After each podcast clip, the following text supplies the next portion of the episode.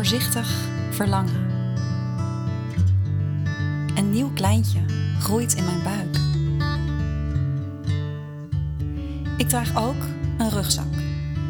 Met ervaringen die me zo nu en dan behoorlijk onzeker maken. En mooie inzichten geven. Ik ben Margriet. Tijdens deze zwangerschap deel ik wat ik op mijn pad ontmoet. Mijn belevenissen?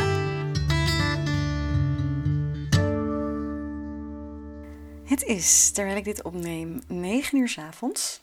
En ik ben behoorlijk moe. Vlak voordat ik op, het, uh, het uh, record knopje druk, dacht ik, moet ik dit nu wel doen? Volgens mij ga ik gigantisch schapen tijdens deze podcast. Um, als het zo is, uh, nou, dan bij deze alvast een excuus daarvoor. Um, en het zou ook zomaar kunnen dat ik ineens energie krijg van, van mijn verhaal doen. We hebben nog steeds een beetje vakantie. vorige week een weekje in Limburg met familie. en nu thuisvakantie. En dat betekent dat ik af en toe mag uitslapen. En oh, heerlijk. Dat zorgt er wel vaak voor dat ik hele gekke en bijzondere dromen heb. Ik weet niet hoe dat bij jou zit. Um, en het schijnt ook bij de zwangerschap te horen. Uh, ik heb me zelfs laten vertellen dat het ook te maken heeft met um, de, de energie van het kindje. En uh, ja, dat je ook kunt kijken naar, goh, wat zou de droom voor mij kunnen betekenen? Zo had ik vanochtend zelf um, de droom dat ik uh, een echofoto ging laten maken. Wat morgen ook echt daadwerkelijk gaat gebeuren. Maar dat ik daar zat bij de verloskundige. En dat, ze, dat het duidelijk was dat ze de foto gingen maken. Of hadden gemaakt. En ik mocht het zelf interpreteren. Dus uh, ja, wat ik kon zien, of het goed was of niet. Uh, en ineens zat ik in de trein na, naar Breda. En ik woon in Noord-Holland. terwijl ik dus nog een vervolggesprek had. Nou ja, best wel chaotisch dat hoort wel een beetje bij mijn dromen als ik eerlijk ben. Maar ze zijn nu ja, levendiger dan, dan ooit. En wat het voor mij vooral uh, betekent is dat het zo belangrijk voor me is. En dat het zo op de voorgrond staat. Ook, ook de echofoto's. En um, uh, ik had vandaag ook nog, uh, deze week ook nog een mooi gesprek met de verloskundige. Daar ga ik straks ook iets meer over vertellen, de intake. Um, en zij zei ook van hoe meer zwangerschappen um, hoe lastiger het kan worden. In de zin van hoe ga je ermee om en, en, en, ja, de onzekerheden. Zodra je dingen hebt meegemaakt, dan, ja, dan sta je er gewoon minder blanco in, zeg maar. Maar goed, ja, het lijkt dus ook wel zoals de, de echofoto van morgen. Uh, ja, dat ik daar ook meer mee bezig ben dan tijdens de zwangerschap uh, van, van uh, dochter Senna. Um, ja, en ook niet zo heel erg gek. Natuurlijk gezien mijn historie met het verlies van het kindje eerder dit jaar. Um, maar ja, dat dat dus zelfs zo in mijn dromen doorwerkt, dat, ja, dat is wel nieuw voor me. Uh, ik hoop dat jij lekker slaapt. en uh, ben ook benieuwd of je het herkent, het levendige dromen. Ik ben trouwens heel erg blij als ik kan slapen, want ik moet je ook eerlijk zeggen, ik ga best wel vroeg naar bed, omdat ik gewoon aan mijn lijf voel van, nou, ik heb die extra energie en rust nodig. En dan lig ik daar en in eerste instantie denk ik, nou, volgens mij ga ik zo in slaap vallen. En dan tikt de tijd voorbij en ik draai nog een keer en ik zucht nog een keer. En ik leg mijn hand nog even op mijn buik, voel me dankbaar. En denk dan, wanneer val ik nou eindelijk in slaap? Nou goed, ik merk dat moe betekent niet per se dat je goed kan slapen. Ik ben in week 10 uh, eh, van, mijn, uh, van mijn zwangerschap. Um, inmiddels weten best wel wat mensen van, van mijn zwangerschap.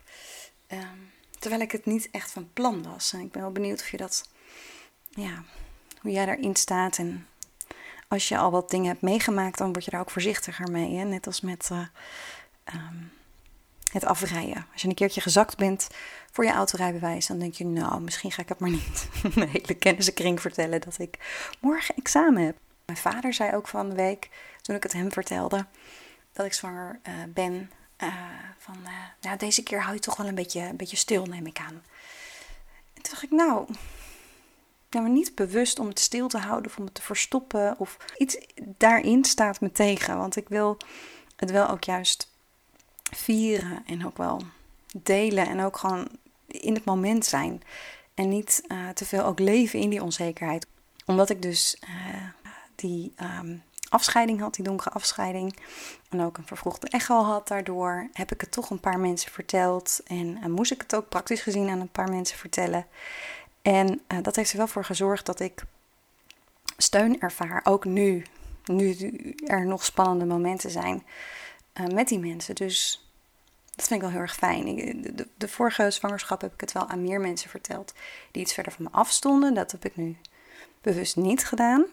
Um, maar het niet delen met mensen, terwijl je het eigenlijk zo nodig hebt, die steun. Tenminste, ik. Ja, dat, dat is toch ook blijkbaar niet mijn, niet mijn pad. Ja, en ik ervaar gewoon dat mensen er nu echt voor me kunnen zijn. Zoals mijn, um, mijn lieve schoonmoeder. Die uh, vorige week ook nog eventjes langskwam in het vakantiehuisje. En aan mij zag van, hey, hoe gaat het eigenlijk met jou? Daar heeft een goed oogje voor. Dus uh, ze pakte even een momentje met mij. En ze zegt, hey, het zit goed hoor. En ze keek me zo met haar diep bruine ogen, zo diep in mijn ziel eigenlijk aan. Uh, dat ik ook echt voelde, ja, oh ja, zit goed. Of er is ook een kans dat het goed zit allemaal. Uh, het leek wel alsof ze mijn, ja, mijn vertrouwen daarmee ook even wakker maakte. Um, want die, die, ja, die, die onzekerheid is echt een terugkerend thema, vrees ik. Um, en aan de andere kant, daardoor kun je ook een hoop ontdekken en leren natuurlijk. Maar ja, terwijl ik deze podcast aan het voorbereiden was, dacht ik wel, het is door die onzekerheid omdat het zo op de voorgrond staat, niet alle dagen en van moment tot moment, dan ehm, is het lastiger om bij dat vertrouwen te komen. Dat is in ieder geval hoe ik het ervaar. En dat vertrouwen zit er wel, maar volgens mij ehm, zeg maar, is er in de basis altijd wel een bepaald vertrouwen in het leven. En dan komt er een soort van onzekerheid of angst, uh, gevoelens bovenop. Waardoor het gewoon moeilijker wordt om uh, goed te voelen van hé, hey, hoe voelt mijn lichaam eigenlijk? En heb ik vertrouwen? Voel ik dat vertrouwen of niet? Wat zegt mijn lichaam? En uh, toevallig nog met, gisteren met een vriendinnetje over. Want zij, zij zei van, oké, en wat voel je? uh, wat voel jij? Gaat het, ja, gaat het goed uitpakken of niet? Of... En zei ik, ik vind het heel lastig om te voelen. Omdat je zoveel andere dingen voelt. Uh, toen zei ze van ja, het is niet zo gek, want de vorige keer heeft je lichaam je een beetje verrast. met dat het dan niet goed zat.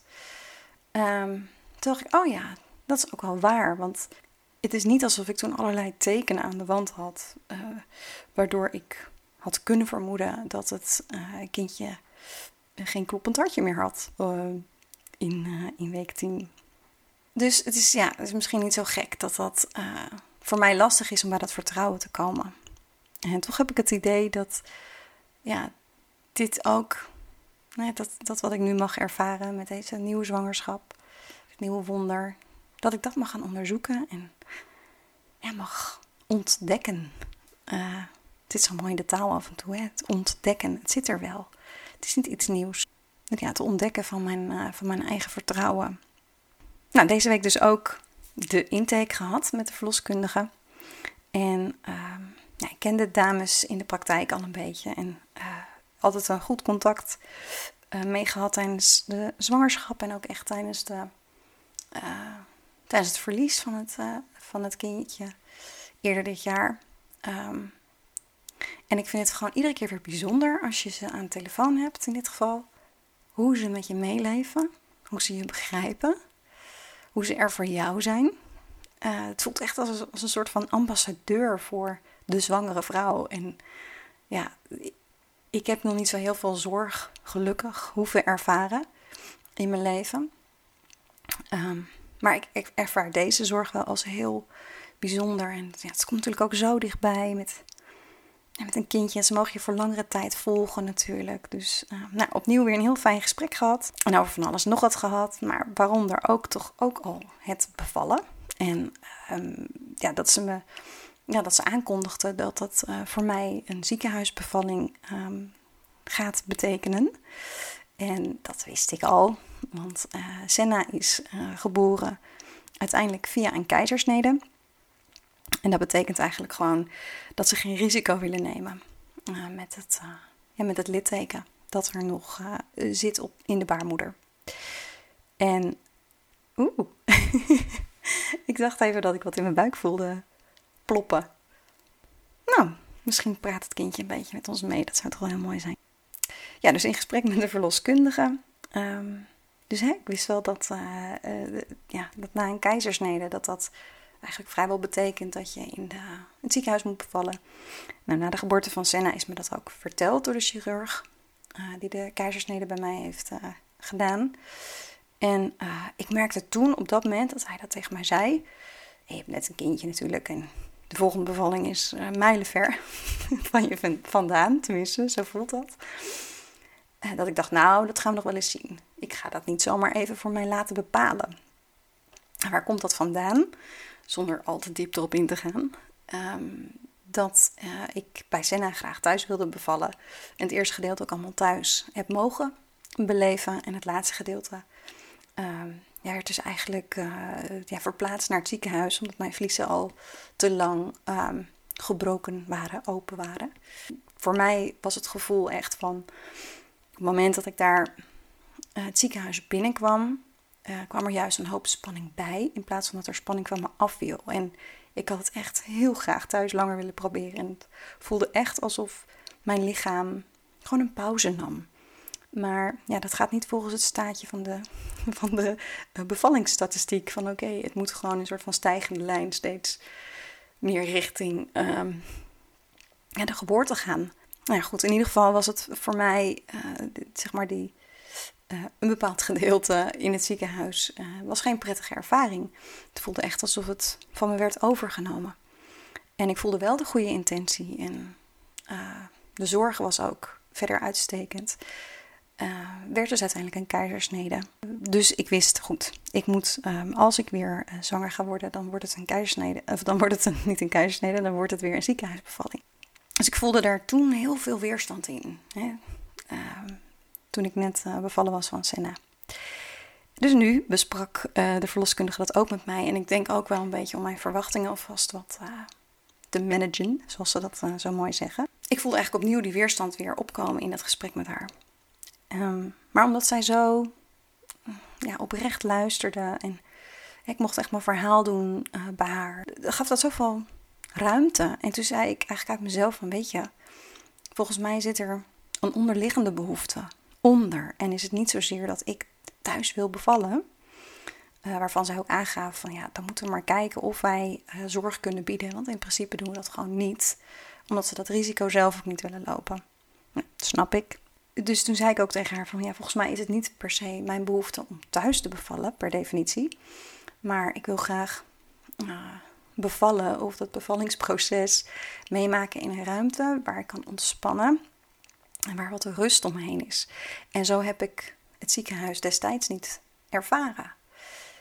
En toen dacht ik, dat is niet zo gek, want ik kwam natuurlijk in het ziekenhuis omdat er iets moest gaan gebeuren.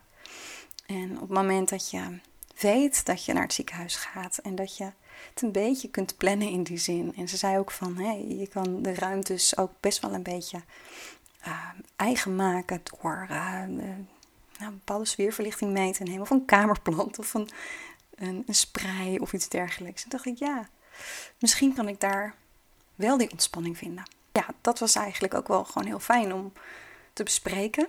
En tegelijkertijd dacht ik, jeetje, weet je, ik moet nog maar eens eerst door al die echo's heen zien te komen. En uh, ja, voelt het ook nog wel als een letterlijk ver van mijn kraambed uh, verhaal. Maar het is wel iets van, ja, wat ik ook met me meedraag uh, door de geboorte van Senna. Dus um, dat was denk ik wel goed om te bespreken met haar. En om gewoon voor mezelf te ervaren van oké, ik wil best in het ziekenhuis uh, bevallen. En ja, nu kan ik het misschien ietsjes meer. Ja, regisseren is een te sterk woord, want uiteindelijk heb je de regie natuurlijk niet. Uh, maar je kunt wel, uh, ja, er denk ik wat ontspannender in staan als je dat van tevoren weet. we hebben het ook gehad over de tests hè, die er um, kunnen plaatsvinden. Um, mij dan wel weer overviel, was dat ze zei van ja, in week 11 moet dat dan al gebeuren. Ik dacht, oh oké, uh, in deze zwangerschap ben ik zo um, bezig met de zwangerschap en met hoe ik me erin voel. En wat ik wel en niet lichamelijk ervaar. En, en nou, er komt een echo aan. En hoe is dat dan? En, ehm, ja, het voelt allemaal wel heel voorzichtig. Um, en dan komt er zo'n zo'n keuze naar je toe van, ja, die test, die nipt. En waarmee ze dus eh, willen onderzoeken of er bepaalde syndromen ehm, bij het kindje aanwezig zijn. Of in ieder geval een kans daarop. Um, bij Senna hebben we gezegd, nou, dat hoeft niet. Ehm, en, en nu zei Frank ook van, nou, ik vind het toch wel prettig ook omdat we al een gezinnetje hebben. En dat je het in ieder geval ook weet. Of uh, dat je je enigszins op voor kunt bereiden, mocht het niet goed zijn. Nou, daar zit al wat in en ik geloof ook wel dat die keuze niet alleen aan mij is. Tegelijkertijd denk ik, oh ja, zo'n test. En dan komt dat er weer heel erg dichtbij. En hoe, uh, hoe ga ik daar dan mee om, met die, met die onzekerheid? En dan af en toe denk ik, oh. ik hoor mezelf nu ook zo praten, word ik zo moe van mezelf. Denk ik, joh, uh, go with the flow, laat het lekker los, laat het leven gebeuren. Ga met het leven mee. Wat ik van de week nog mooi tegen een eh, vriendinnetje zei. En wat zo uh, projectie is van mij. Want ja, voor mij geldt dat nu ook. Ik mag meer met het leven meegaan. In plaats van me er tegen te verzetten met al die emoties. Want dat is dan eigenlijk wel wat er een beetje gebeurt of zo. Het is aan de ene kant een reactie op. Ik vind het spannend, dus ik ga, me, ik ga bepaalde angsten voelen. De andere kant, die angsten die verdammen je weer een beetje. En ja, zorgen ervoor dat je een beetje uit die flow gaat. En uh, sommige dingen ook groter maakt dan dat ze zijn. Uh, wij staan dus op dat punt om nog te, uh, te gaan beslissen. Hè, willen we dat wel, willen we dat niet? In ieder geval ehm, kunnen Frank en ik daar ja, het heel fijn en goed over hebben. En we hadden, het er, we hadden ook een goed gesprek en toen kwam mijn vader binnen. Um, dus we moeten dat gesprek eigenlijk nog even afronden. Dus ik weet nog niet precies hoe dat gaat uitvallen. Ik denk eigenlijk wel dat we het gaan doen. Ehm, en dat het dan vooral ook weer om gaat van oké, hoe ga ik daar met vertrouwen in staan? En wat ik ook tegen die verloskundige zei, van het blijft toch een gekke tijd om in te leven. dat je dit soort tests kunt doen. Sommige mensen misschien ook van je verwachten dat je het doet. En dan heb je zo'n test gedaan en dan heb je een uitslag. Wat doe je daar dan mee? Het is niet, natuurlijk niet alleen maar een kwestie van testen. Ehm, dus ja, ik vind het eigenlijk best wel een grote beslissing zo. De vorige keer waren we eigenlijk gewoon allebei heel stellig in van, nee, het voelt goed, we gaan het niet doen. En dat voelde ook heel fijn. um, ja, en nu is dat anders. Nou goed.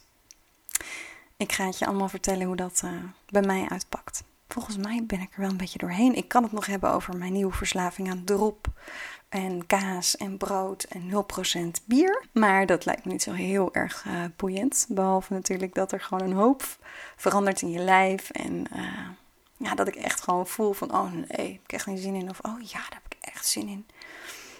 Uh, wat ook wel weer heel mooi is van, van deze ervaring. Oh ja, en dat was nog wel ja, een mooi inzicht dat Frank mij gaf van de week. Want we hadden het over nou, hoe ik het ervaar en hoe ik ermee bezig ben. En hij zei: Weet je nog dat jij het gewoon heel graag nog een keer wilde ervaren? Die zwangerschap. Klopt, dat heb ik tegen hem gezegd toen we in gesprek waren over: uh, uh, willen we nog voor een tweede kindje gaan uh, of niet? En dat ik toen inderdaad ook heb gezegd: Ja, die zwangerschap, dat vond ik ook zo. ik hoor het mezelf zeggen. Zo geweldig en zo magisch. En dat is het allemaal. En er zit nu een rugzakje bij.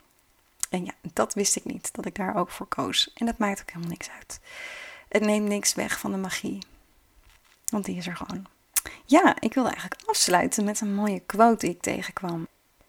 Embrace uncertainty.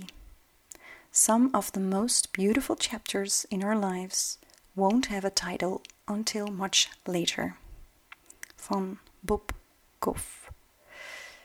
Dus ja, omhelst onzekerheid. Sommige van, van de meest prachtige hoofdstukken in ons leven krijgen pas veel later een titel. Die is gewoon spot on, die raakt.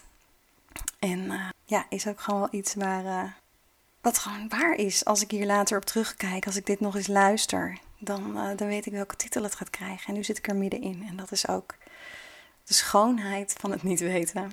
De grace van het, uh, van het niet weten. En dat las ik ook nog in een, in een zwangerschapsboek van... Het is een cursus loslaten. Dat is gewoon wat zwangerschap is. En um, daar, uh, daar geef ik me vol aan over. Ik wil je bedanken voor, uh, voor het, het, luisteren naar mijn ja, ervaringen deze week. Voor jou heel veel liefs en tot volgende week. En dan deel ik weer mijn ervaringen en inzichten tijdens deze zwangerschap. Tot dan. Hopelijk heb je genoten van deze aflevering van Voorzichtig Verlangen en heeft het je iets gebracht. Wanneer dat zo is, dan maak je me heel blij met een positieve beoordeling. Misschien ken jij iemand die nu zwanger is en ook onzekerheid ervaart. Dan is deze podcast voor haar en mag je hem zeker delen. Meer weten over mij? Bezoek dan bloeifactor.com.